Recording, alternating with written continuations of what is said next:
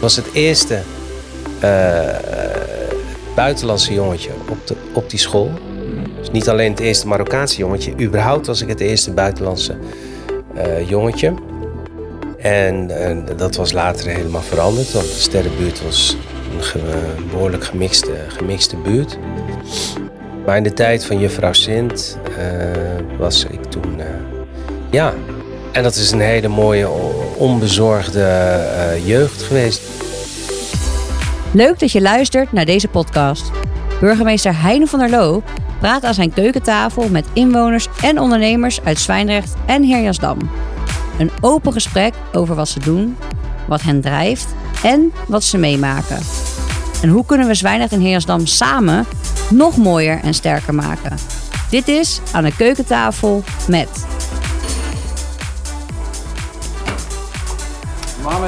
Ja, welkom. dankjewel. Fijn dat je er bent. Aan de keukentafel met Mohamed Benzakour. Welkom Mohamed. Dankjewel. Eh we hebben gezegd, we gaan je en jij zeggen. Eh, dus leuk, een informeel gesprek over, nou ja, laten we eens kijken. Van alles en nog wat. Ik hoorde je zeggen, je hebt een bijna fysieke allergie tegen het woord super. Ja. Vertel eens. Ja, dat heb ik al langere tijd. En eh, ik kan niet zo heel goed tegen modieus taalgebruik. En eh, ik, ik ben een man van het woord. Ik, ik schrijf, eh, ook voor de krant. En er is daar een taalrubriek in Handelsblad op de achterpagina. En ik heb enige tijd geleden gezegd dat, dat, dat ik inmiddels het woord super niet meer kan aanhoren omdat het maar te pas en te onpas wordt gebruikt en geplakt bij alles eh, wa- wat je wil uitdrukken. Dus, het, dus ik, ik zei net, eh, de dingen zijn niet leuk is al erg, maar superleuk is nog erger. En nieuwsgierig en nieuw, super nieuwsgierig. Men is trots, men is super trots. Hoe was het? Het was spannend. Nee, het was super spannend. Dus het is ook een soort inflatie van taal. Waardoor je eigenlijk geen enkel idee hebt van als iemand zegt het was super gezellig. Dan, dan als iemand dan zegt het was gezellig, ja, dat kan dan niet gezellig meer zijn geweest. Want het is pas gezellig als het super gezellig is. Ja, ja. De- de- Deze analyse kan ik helemaal volgen. Kijk, Eh, kijk, eh, eh, waar komt dan die, die bijna fysieke allergie vandaan? Ja, die dit is een beetje ergernis? overdreven. Ik- Het is niet dat ik ineens vlekken op mijn huid krijg als- ik het woord hoor. maar het is, het is wel dat, dat ik na- na- naar adem begin te happen. Ik was laatst in een Zoom-sessie thuis met een aantal mensen uit de medische wereld. Nou, geschoolde vakmensen. En, en ja, om, de- we moesten een filmpje beoordelen. En dan kreeg je een soort recensie. En iedereen g- plakte overal maar dat, dat hij het een superleuk filmpje vond. En het was, eh, ja, het was echt super spannend hoe dat in elkaar was gezet. En we zijn super trots op onze samenwerking, hoe dat is gegaan. En ik, dacht, ja, eh, jongens, eh, jullie zijn allemaal geschoold. Eh, wa- waarom is het vocabulaire zo armoedig? Je kunt zoveel mooi. Nederlands is echt een prachtige taal en ik maak me daar altijd hard voor. Maar ik vind dat, dat, dat ook bij mijn collega's op de redactie men heel slordig omgaat met deze rijke taal. Het is gek dat ik als- Marokkaan eh, de Nederlandse taal moet, aan Nederlanders moet uitleggen hoe mooi de Nederlandse taal is. En Ja. het gemak, met gemak waarmee we woorden uit het buitenland ook overal, eh, overal opplakken. Daar, daar erg ik me aan. En het woordje super, ja, dat is nu. Het zegt me niks meer. Nee, Dat is het. nee. Ja, Dank, dank. ja. Dank voor deze inleiding op ons gesprek, wat over een heleboel dingen zal gaan, eh, kan gaan.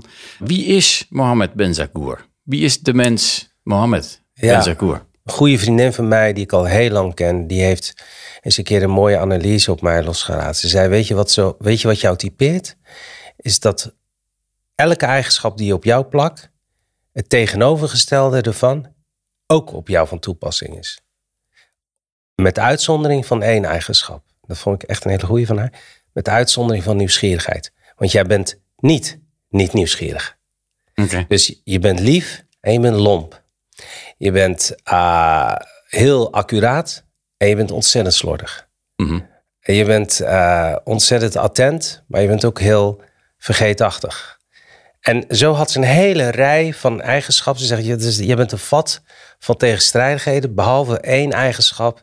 Tegenover nieuwsgierigheid staat niet dat je nooit nieuwsgierig bent. Je bent altijd nieuwsgierig. Oh, dat is mooi zeg. Ja. ja. Dus ik, ne- ik, ik neem dat graag van haar over. Ja. Ja. ja. En die tegenstrijdigheden in jouw eigenschappen, waar, waar komt dat vandaan? Ja, dan, dat is een psychologische duiding. Dat vind ik heel lastig waar dat vandaan komt. Ik, maar ik, ik, ik, geloof niet dat ik het geërfd heb eh, van mijn ouders. Eh, nee, dat, dat moet ergens een speling van, eh, van het lot zijn geweest. Natuurlijk lot. Dat, ja. Jij zei, ik heb dat denk ik niet geërfd van mijn ouders. Kan je je ouders eens omschrijven misschien? Wie was vader Benzakour en moeder? Wat hun kenmerkt sowieso is dat het analfabete mensen zijn. Dus niet geletterd, niet geschoold, eh, kunnen niet lezen en kunnen niet schrijven. Ik heb een boek over mijn moeder geschreven die ze zelf niet kan lezen. Het gaat over haar, maar ze kan het zelf niet lezen. Dus, dus dat, is, dat is vreemd, hè? Je bedoelt het boek Jemma, Ja, ja. Nou, dat, dat Stil gaat- leven van een Marokkaanse moeder. En dat Ja. gaat over jouw moeder. Ja, Ja. ja. mo- eh, mo- mogen haar ziel onder Gods eh, vleugels rusten, zeg ik erbij. Is twee Mhm. jaar geleden van ons eh, heen gegaan. Ehm, eh, dat, dat is natuurlijk wel ergens wel pijnlijk dat een kind een boek schrijft over zijn moeder, die, die- terwijl die moeder het zelf niet kan lezen. Aan de andere kant heeft het me wel vrijheid gegeven om alles te kunnen schrijven zonder een gevoel van eh, taboe of censuur van oh jee, hè, want ik heb ook collega-schrijvers die soms moeite hadden dat, dat ze dingen op papier zetten die hun papa en mama ook kunnen schrijven. En dat ze dan daarin een beetje terughoudend zijn van dit komt hard aan of dit is niet helemaal de waarheid en et cetera. Dus die vrijheid had ik wel om alles te kunnen schrijven daarover. Mhm. Ja, dus eh, twee analfabete mensen, hele simpele eh, zielen, maar simpel in de, in de positieve betekenis. Eh, eh, hebben vrijwel niets van de wereld gezien. Eh, hun reizen waren altijd beperkt tot Marokko en Zwijndrecht. En, eh, en nu is mijn moeder eh, in een kistje teruggegaan. En dat is de, haar laatste verhuizing naar, eh, naar het dorp in Noord-Marokko, waar ze onder de grond ligt. Ja. Dat was de laatste verhuizing. Ja. En dat En, is een eh, dorp in het Rifgebergte, In het Rifgebergte. waar jouw ja, familie vandaan komt. Waar mijn familie vandaan komt. Ja, waar ik ook was, ben geboren. En op driejarige leeftijd naar, eh, naar Zwijndrecht kwam. Ik ben zo nieuwsgierig naar dat Rifgebergte eigenlijk. Ik, Ja. ik- ken je het zelf? En, en- Ja, zou je ik het kunnen, het kan je het heel goed. omschrijven? Ik- ja. Wat moet ik me voorstellen bij dat gebied? Het is, ehm, het is dus in het noorden en, eh, van Marokko. Het is heel ruig, het is heel droog, het is heel eh, woest. Het regent daar niet zoveel. Eh, droge grond. Eh, Maar wel met veel ehm, eh, olijfboomboeren. De zon is daar heel, heel erg fel. En het is heel hobbelig en eh, veel ravijnen. En eh, dorpjes zijn ook allemaal verspreid in die ravijnen. Soms een beetje op de voet van de heuvels. Er was vroeger veel meer bos, maar dat is allemaal weggekapt. Ik, ik zal het niet aan de Nederlanders eh, adviseren om eh, daar eens eh, op vakantie te gaan. Dan ga je toch eerder naar Zuid-Marokko, Agadir, Marrakesh. Dat is allemaal veel, veel vruchtbaarder. En ja, maar ik, vind het een fascinerend gebied. Juist omdat het nog zo ongerept is. En Ja. door- nou, niet verpest is door het massatoerisme. Mhm. Vind ik het een, voor, voor, als voor schrijvers en kunstenaars vind ik dat een heel boeiend gebied. Dat het nog heel rauw is. En, en heel erg in zijn, in zijn, in zijn, eh, ja, in zijn, in zijn oerstaat eh, is. Ehm, Hoe vaak ga je daar zelf naar terug? ik ga binnenkort weer. Oké. Ik ga over zondag eh, vlieg ik. Met mijn eh, opblaasbare kajak eh, ga ik eh, een soort van visexpeditie doen aan de, de Noordkust, de, de Middellandse zeekust daarboven. Tussen Tanger en, en de oostkant van Marokko. In dat gebied ga ik daar voor, de, dat is voor de krant ook, een, doe ik een reportage over visserij. Ik vind het ook een hele mooie afwisseling van mijn werken achter de computer. Dus ik, ik, Ja. ik zit veel achter het scherm. En, en vissen be- betekent eh, niet alleen in de natuur zijn, wat, wat heel mooi is en wat ook heel rustgevend is, maar het is ook zeker de manier waarop ik vis. Ik ga met een opblaasbare kajak. Ga ik daar bij een best ruig gebied, wat eh, niet ongevaarlijk is wat ik ga doen. Ik ga ook niet met een semafoon of contact met de kustwacht, heb ik allemaal niet. Ook dat is Ja. Mohammed Benzakour. Ja, Dan ga je dit in, in Marokko weer doen. Je bent neergestreken in Nederland. Ehm, hoe internationaal ben jij? Je komt toch altijd weer terug naar Nederland met een andere blik. Ja. Als je, als je de reizen maakt je echt volwassener. Mhm. Dat, is, dat is echt zo. Dat is misschien een cliché. Maar het- ik merk het. Ik merk, ik merk ook dat de, de artikelen die ik schrijf nadat ik gereisd heb... een ander soort artikelen zijn, met een andere toon ook... dan de artikelen die ik schrijf als ik lange tijd niet naar het buitenland ben geweest. Ja. Dan, eh, je, je wordt in dit land, het is klein en er zijn veel te veel kranten. En iedereen zit elkaar op elkaar te fitten en iedereen zit elkaar in de gaten te houden. Televisie is eh, vreselijk eh, pulp, wat je op televisie de dag in dag uit over de huiskamers wordt gestort. En eh, als je daar in die modus zit, dat, dat, dat maakt, dat is moeilijk om daar uit te treden en een soort afstandelijkheid te nemen van jongens, waar hebben we het toch allemaal over? Ja. En dat merk ik heel erg als ik in een ver land ben geweest en daar echt, dus dicht, wa- waarvan ik bijvoorbeeld de landen die ik te noem, dat zijn mensen, waar er leven mensen die, die, die veel meer dicht op, op, op, eh, op eh, elementen zitten. Is echt op, op, eh, waarin leven en dood aan de orde van de dag is. Afzien aan de orde van de dag is ziekte en verderf. En, en de, het maakt je. Het ma- als je terugkomt naar Nederland, het, het, het, het geeft je een andere houding. En dat vind Ja. ik een hele, hele fijne. Dat, dat de dingen die wij hier vanzelfsprekend vinden, helemaal niet zo vanzelfsprekend zijn. Nee. En dat geldt voor mensen die reizen, die terugkomen en dan in dat vliegtuig zitten en dat hele overgeorganiseerde landje zien liggen met al die kavels en die slootjes en die kanaaltjes en Ja. rechte hoeken. En Heeft ook zijn charme. Heeft zeker zijn charme. Ja, Eh, maar er dan weer net even anders naar kijken. Dat, Ja. het, het voedt voor mij, bij mij, ook wel een lichte jaloezie. eh, ten aanzien van mensen, Nederlanders met een migrantenachtergrond. In oorsprong zijn het allemaal mensen die ergens vandaan komen. En het voorrecht hebben, wat mij betreft, om anders naar Nederland te kijken. En ben je hier geboren en getogen en je voorouders ook, dan ben je toch ja, ook in zekere mate ingekokerd. Laten we dus ook vooral luisteren naar al die mensen, Nederlanders, ehm, nieuwe Nederlanders, mensen die aan het reizen zijn geweest, die van buiten naar binnen kunnen kijken. Ja. Die afstand nemen en reflecteren is zoiets moois. ja dat, dat is ook het voordeel wat een migrant heeft. Die heeft, die heeft twee werelden meegemaakt. Maar er zit ook een andere kant eh, van de medaille. En ik zie dat bijvoorbeeld bij mijn vader. En eh, ik, zag, ik merkte dat ook heel erg bij mijn moeder toen, toen zij eh, in dat verpleeghuis kwam. De andere kant is, is dat je van binnen, ook zeker als je op je oude dag, verscheurd raakt. Eh, verscheurd bent in, in, in waar je vandaan komt en eigenlijk niet helemaal kunnen aarden in het land waar je nu zit. Dus het is wel mooi dat je uit twee werelden kunt putten. Maar op het moment dat je niet meer eh, redzaam bent en dat je dus eh, afhankelijk wordt. En je kinderen die wonen en leven hier, dus je kunt ook niet meer terug naar het land van herkomst. Dus je moet hier blijven. Dat oud worden wel heel tragisch is voor Ja. die mensen. Ja. Ik heb je in een programma horen vertellen, zien vertellen over de logopedie voor je moeder. Ja, dat is dan een voorbeeld. Hè? Ja. Dat, dat gaf je als voorbeeld hiervan volgens mij. Dat Ja. je zei, ehm, het werkt niet bij haar, jullie aanpak. Nee, En je deed een suggestie ja, hè, Ja, van ja, ja. ehm, eh, reciteer een aantal regels uit de Koran. Want Ja, dat is ze gewend te zingen en dat heeft een bepaald effect hè, in iemands hoofd en hersenen. ja. En toen was de reactie van die verpleegkundige of logopedist, Logopedist. Ja. wat was die? Ja, eh, ehm, eh, hoe zei ze dat letterlijk? Eh, ik, ben, ik, ik heb geen zin om mij te verdiepen in de islam.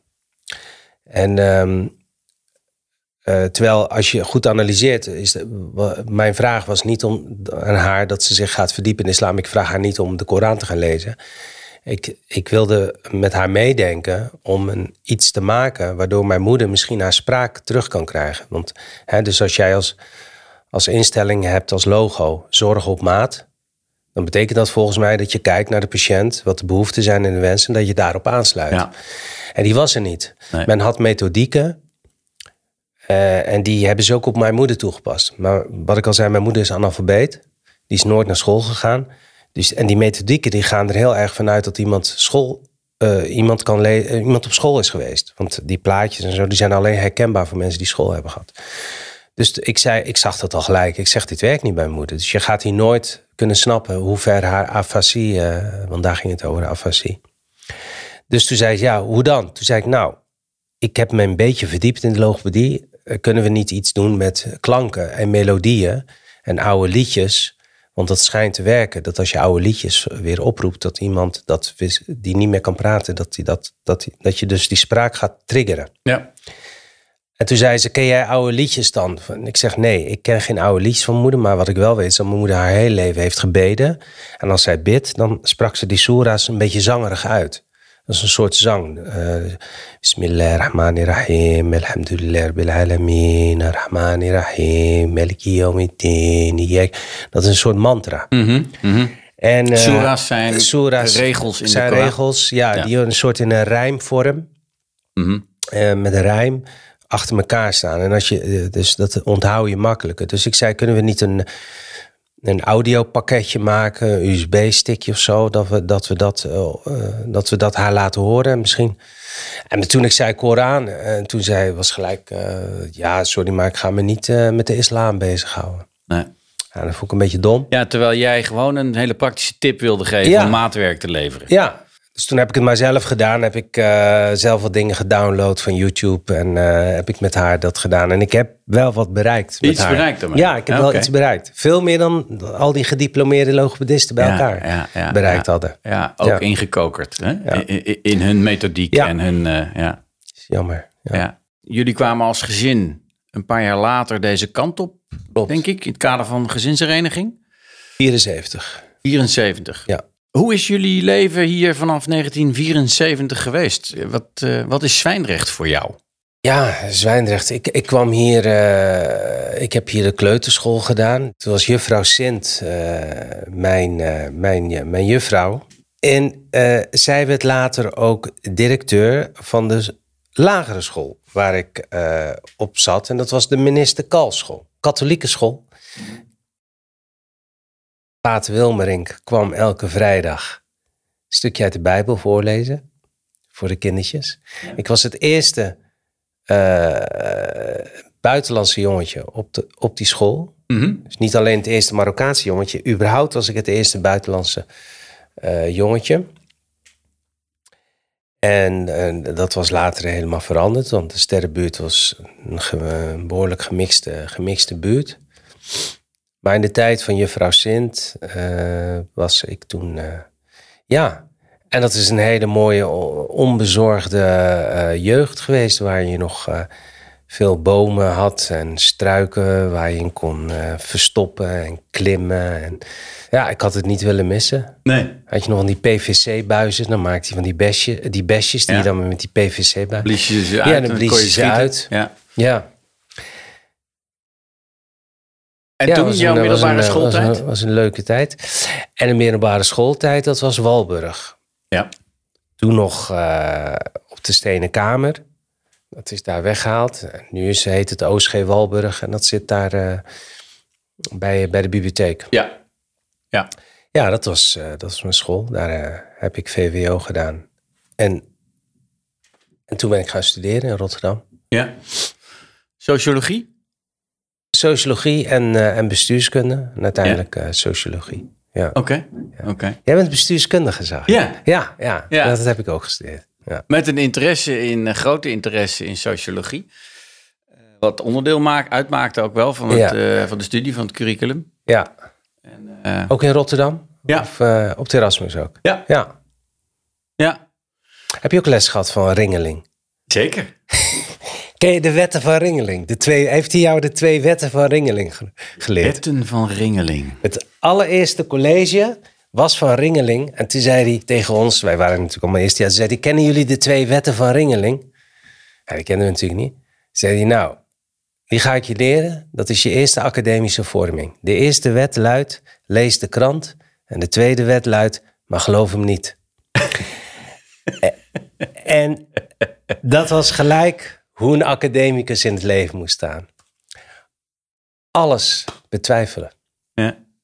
Een gouden, gouden, gouden les. Heb ik nog steeds Zeker, wel. Terwijl ik zelf iemand ben die nu kranten maakt. Ja. Was toen nog eh, helemaal niet eh, aan de orde dat ik de Nee. journalistiek in ging. En toen, hoe, ehm, eh, toen ben je schrijver geworden? Nou, nee, dat is pas later gekomen. Toen ben ik eerst, na mijn studie, ben ik, ik ben nog raadslid geweest in Zwijndrecht. Ja. voor de Partij van de Arbeid. Ik ben toen, eh, heb een paar baantjes gehad bij eh, verschillende ministeries, eh, Rijkswaterstaat en Sociale Zaken. En ik heb nog een jaar in de Tweede Kamer gewerkt voor de fractie van de Partij van de Arbeid. En was ik fractiemedewerker. Vanuit die functie, dat was eigenlijk mijn laatste publieke, publieke functie, ben ik, ben ik langzaam zeker in de cultuursector terechtgekomen. in de Rotterdamse Kunststichting. En zo ben ik de journalistiek ingerold. En vanuit de journalistiek ben ik, eh, ben ik, eh, zit ik, daar zit ik nog steeds in, maar sch- schrijf ik ook zeg maar eh, romans en boeken en gedichten en letterkundige dingen. En reis ik en ben ik eigenlijk terechtgekomen waar ik het liefst uiteindelijk ben. Ja. Ja, dat je, dat je van je hobby je werk maakt. Dat is toch toch, prachtig? dat is toch prachtig dat je mag reizen en dat je daar nog voor betaald wordt ook. ja. Wat houdt jou dan in Zwijndrecht? Als jou Dat is een goede vraag. Dat vraag ik mezelf. thuishaven? Ja, nee, ik, ik, ik zit nog steeds in Zwijndrecht omdat ik voor mijn vader, eh, die eh 90 is eh, bijna, over dit jaar wordt hij nog 90, eh, voor hem zorg, mantelzorg. Daarvoor deed ik het voor mijn moeder. Ja, eigenlijk zijn dat de twee mensen die mij in Zwijndrecht hebben gehouden. Mhm. Eh, nou, want ik heb mijn halve leven in Zwijndrecht gewoond. Eh, ik heb wel een paar uitstapjes gemaakt. Eh, ik heb een, tij- een korte tijd in Antwerpen gewoond. eh, en een korte tijd in Duitsland. Maar ik ben altijd weer teruggekomen naar, naar Zwijndrecht.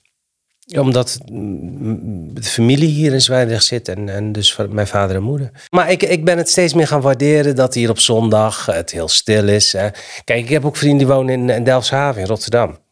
Eh, daar, ik bedoel, de- de Jumbo in Delfshaven is 365 dagen per jaar open. Bijna 24 uur. Mhm. Nou, als dat, eh, eh, daar, daar vind ik van alles van.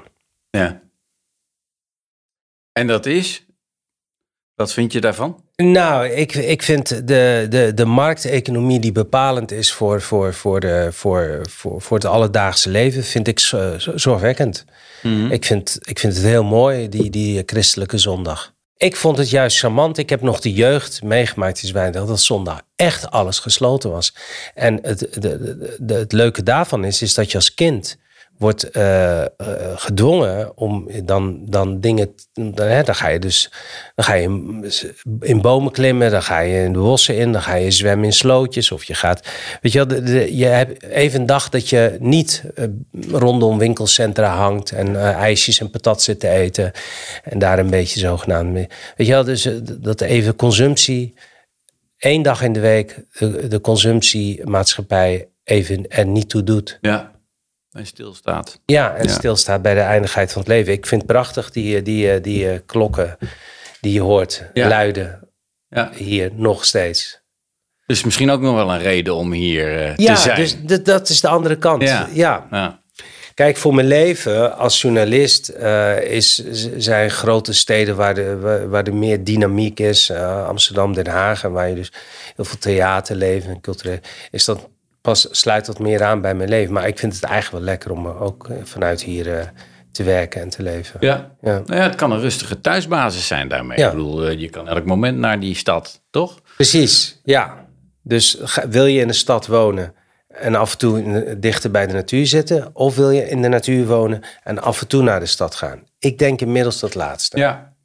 Nou, prachtige ambassadeur van eh, deze mooie gemeente, denk ik. Fijn dat je in Zwijndrecht blijft wonen. hè? Ja. Want eh, ik denk dat Zwijndrecht wat heeft aan mensen zoals jij in deze eh, gemeente en ook in deze gemeenschap. En ik vind trouwens het eerste motief om echt voor je ouders te zorgen, ja, hoe mooi is dat?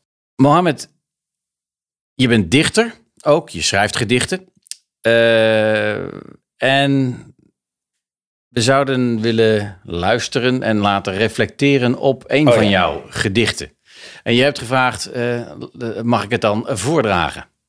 Toch? Eh, in plaats van dat we dat eh, afspelen of enzovoort. als ik de dichter zelf aan tafel heb, is dat natuurlijk wel Ja. mooi Zou ik Om ge- hem, zeker gebruik maken van om hem te horen. Het heet de Visserman. En ehm, nou, het leven van de visserman, het beste op deze wereldbol. Hij geniet zoveel hij wil en kan, als die uitvaart in zijn houten jol. Van alle vermaken is geen enkel op aard zo vrij als vissen met recht zo vermaard. Van al het arbeid op deze aardkloot is vissen het mooiste voor ons dagelijks brood. Hij staat op met morgendauw, fonkelende zee, de lucht reeds blauw. Hij schuimt het water af in zijn kleine boot, zonder vrezen en zonder nood. Werpt keer op keer zijn netten uit, makreel, sardien, rog, groot is zijn buit. Als de zon zijn rug doet branden, drinkt hij een slok en heft zijn handen. God knikt en wiegt hem in erbarmen, want als de vis zo spartelt in zijn schoot, denkt hij telkens weer aan die trage, stille dood. Als hij uitvaart in zijn houten jol, van alle vermaken is geen enkel op aard zo vrij als vissen met recht zo vermaard. Die vrijheid, als jij aan het vissen bent, ervaar je die ook zo? Ja, dat is, eh, dat zo ongeveer, zeker als je in Nederland woont. Eh, behalve als je in Zeeland komt. Eh, het- het- het- heb je nog een uitgestrektheid, de horizon vrij. Ja. Maar, maar ik bedoel, eh, ook in Zwijndrecht wordt behoorlijk dichtgebouwd, Nederland. En, Ja. en dan nog hebben we een enorme eh, woningnood nog steeds. En het gaat dus, dus alleen maar erger worden. Maar het fijne aan de zee is, is dat je daar echt even het gevoel kan hebben, als je dat durft, eh, om met een boot op zee te gaan. Dan ervaar je nog echt eh, de stilte en het gekabbel van water en, eh, en de ruimtelijkheid. En dat, dat geeft gewoon zuurstof. Wat is die, ik zou zeggen, verticale dimensie? Ook hier in dit gedicht komt, en dat, dat, is, dat is vaker zo in jouw werk. Hè? Ehm, God knikt en wiegt hem in erbarmen. Hè, dus komt God om de hoek kijken. Ja. Wat is dat? Eh, ja, het is altijd lastig hè, om aan een dichter te vragen zijn eigen gedicht uit te leggen. Maar ehm, ja, erbarmen is, is, is een woord wat ik heel bewust heb gekozen, omdat in de Koran eh, heel vaak wordt gezegd: de, eh, God, Allah, is de barmhartige erbarmer. Dus dat is iemand die vergeeft. En dus, dus barmhartig. En eh, ja, ik vond dat een mooi beeld. Hij wiegt hem in erbarmen, omdat een bootje, zo'n jol, als dat op de golven zit, dan is dat een soort wiegen. En, en, en eh, God komt om de hoek kijken vanwege de, de dood. Dus als, Ja. je, als je bezig bent met de dood, want elke visser die op stap gaat, zeker in Marokko, hier, hier niet. Want hier eh, zijn ze goed geëquipeerd, die kotters. Niet altijd. Er gebeuren hier ook vreselijke ongelukken met kotters. Maar de, de vissersbootjes, de vissers in Marokko, zeker de kust waar ik naartoe ga, eh, do- doen alle vissers een gebed voordat ze de zee op gaan. Omdat ze weten dat, dat ze misschien nooit meer terugkeren. Elke visserman gaat de zee op in de hoop dat hij terugkomt met een, met een, met een net vol, vol vis. Maar weet ook dat hij misschien nooit terugkomt. Ja. En, eh, en, en vandaar dat de zee en de dood zo heel dicht bij elkaar zitten. Ja. Ja. ja. Voedsel halen. Hè? En tegelijkertijd het Ja. risico lopen dat je er niet meer bent. Ja, ik vind ook dat er eigenlijk een, een, een accijns moet komen op vis. er zit toch een, dood, een doodsrisico in voor degene die dat... Die dat Ja. ja. Ja, ja. het zit nog niet echt in de prijs Nee, volgens nee, mij. eh, Nee, nee. het is gewoon risicoman hè, Ja. die daar de, de zee op gaat. Dankjewel voor deze inderdaad ongebruikelijke uitleg door de dichter van zijn gedicht. Maar ik was gewoon echt wel nieuwsgierig naar die, ja, die goddelijke dimensie die je vaker in jouw werk ziet, eh, ziet, ziet terugkomen. In jouw kunstzinnige werk, eh, waarin je je ook ontwikkeld hebt. En die ontwikkeling die zet volgens mij door... Hè, van het eh, geschreven woord naar het vertelde woord, naar volgens mij ook een theaterproductie die jij gaat lanceren binnenkort. Kan je daar iets meer Ja. over vertellen? Ik niet, maar de- mijn boek, Jemma, je refereerde er al eerder aan, eh, over mijn moeder. Dat boek gaat op de planken komen. Er is een theatergezelschap die dat boek gaat eh, gebruiken voor een theatervoorstelling. En, Ja. eh, En dit gaat over het- jouw boek Jemma inderdaad. Ja. Dus, en Jemma is ehm, eh, Marokkaans voor moeder. voor moeder, ja. En dus over jouw moeder ook in een zorginstelling. Inmiddels is overleden. En jouw zorg ook voor haar. Hè? Jouw betrokkenheid bij haar, eh, haar leven in die periode. In die, In die tijd van haar periode, leven. ja, ze heeft een jaar in de instelling gezeten. En de, de boek gaat over dat jaartje. Ja. Een bewogen jaartje. Ja. Mooi jaartje. Maar heftig jaartje ook. Daarom zit er in dit boek ook veel gevoel, eh, liefde, eh, zorgzaamheid van jou. En wat En bewondering. bewondering. Bewondering voor mijn moeder. Want dat, dat, dat, dat moet ik echt... eh, haar, haar redding... Want ze heeft tien jaar geleefd, hè? Na dat infarct. Mhm. Dat is lang. Ja. Want ik heb gezien daar in het verpleeghuis... hoe mensen die ook een infarct hebben gekregen, herseninfarct... Ja. binnen een jaar weg waren. Ja, ja. Omdat ze niet wilden eten meer, niet wilden drinken, depressief werden en eigenlijk eh, ze wilden dood. Mm. En mijn moeder heeft tien jaar lang eigenlijk als een soort engel, als een soort stralende engel die naar iedereen lacht en iedereen groette, is, is blijven, blijven leven. En, en, en, en ik, dat, dat, dat komt ook door haar ongebreidelde geloof, simpele geloof in, in God. En, en eh, haar liefde voor, voor, voor, de, voor de schepping en voor de schepper. Ja. Daar, dus, da- da- daar heb ik gezien wat geloof kan betekenen voor mensen. Bij, Ja, ja. mijn- bij mijn moeder. Het heeft haar op de been gehouden. Ja, het heeft langer. haar op de been Ja. gehouden. Ja. Ja, kijk, dat is dus de waarde van geloof. Ja. Wat heel veel intellectuelen vandaag de dag, het is mode om het geloof een beetje op de hak te nemen en het te bespotten en te zeggen dat dat sprookjes eh, zijn voor, voor, voor domme mensen of zo. Maar het- de kracht van geloof, het simpele geloof in het leven en in dus de schepping, dat is, eh, dat is eh, dat, dat, die waarde van kan je niet onderschatten. Nee, nee. Ja, dat is, dat is een proces wat jij dus met haar ook hebt meegemaakt, hè? inclusief deze reflectie. Ehm, het boek spreekt daarom ook dus ja, heel, heel beeldend over jouw zorgzaamheid, je liefde, eh, je bewondering. En die staat dan weer in, nou, toch wel een beetje contrast met jouw hele scherpe analyse en pen en, en, en duiding van thema's in de wereld, die je, nou, fel en, eh, mag ik soms zelfs zeggen, eh, lekker, lekker Radicaal. agressief, radicaal is het goede woord. Radicaal Ja, aan de orde ja. stelt. Ja, ja. Maar dan zijn we weer terug bij die tegenstrijdigheid in jouw persoon. Ja, ja. Dat is, de, dat is de wat scherpe kant van mij. Mhm. En eh, tegenover de, de, de zachte, lieve kant naar mijn, naar mijn moeder toe. Maar ja, er gebeuren ook dingen nu op de wereld die ik dan radicaal vind. Mhm. En waar je niet anders op kan reageren dan radicaal. Maar ik vind dat, dat, dat wat ons nu over ons heen komt op het gebied van, van eh, vervuiling van de lucht, aarde, grond. En, en wat dat betekent voor toekomstige generaties. Dat je daar niet anders dan heel radicale standpunten in neemt. Bijvoorbeeld, ik ben, ik ben visser. En ik heb een, een groot essay geschreven waarin ik, waar ik mijn verontwaardiging heb geuit over het feit dat eh, lood. Overal is lood verboden in Nederland. Ja. Overal. Je mag eh, benzine, is loodvrij. Eh, waterleidingen, vroeger had je lood, mag niet meer. Verf, dat is vanuit de EU. dat de loodelementen mag ook niet meer. Overal, lood is een giftige stof. Behalve vissers mogen vissen met lood. En dat snap ik niet.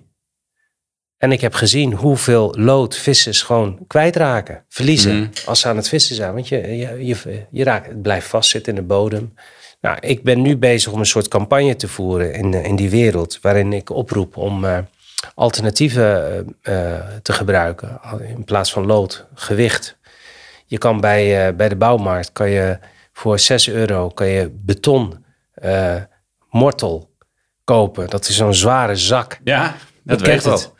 Dat weegt wat. Dan doe je een beetje water bij. Ja, En dan doe je een, een malletje, een vormpie. En dan doe je een splitpennetje. En dan heb jij voor, ik heb het omgerekend voor 5 cent, of 3 cent zelfs, heb jij een gewichtje waar je mee kan vissen. En als je dat kwijtraakt in de zee, is het niet schadelijk. nee. Want het is steen. Ja. Dat is iets anders dan lood. En, en, en het kost niks. Dus een visserman, Mohammed Ben Zakour, die bevecht de risico's in ons klimaat. ehm, en zegt niet het is lood om oud ijzer. Nee, het is serious business. Hè? Serious business. Ben benieuwd of jij in het, eh, in het, het gebied van het Rifgebergte dus ook met anders dan lood gaat vissen eigenlijk. Dan, Ja, ik ga, ik ga, anders. Je, ik ga je, met je beton. doet die toepassing al. Ik doe het al. Ik doe het zelf al. Ja. Oké, wat mooi. ja, en ik laat het ook altijd zien aan die vissers die verderop ook staan te vissen. Zeg, kijk, zo kan het ook. Ja, Oh, interessant. Hoe eh, doe je dat dan? En dan leg ik dat zo uit hoe je dat kan doen. Oh ja. ja. ja. Ik vond het een aangenaam gesprek. Ja. Ja, ja. Nee, ik ook. Ja. En eh, Het woordje super is niet gevallen. het woordje super is zeker niet gevallen. Ja, nu, nu gebruik ik het, maar dat, Ja, dat, ja, mag. ja, ja, maar ik heb die allergie niet zo. Nee, mijn kinderen zeggen vet cool. Dat was het. Oh ja, ja, vet cool. Ja. Dankjewel voor dit Ja. gesprek. En, eh, jij, jij ook bedankt. Ja.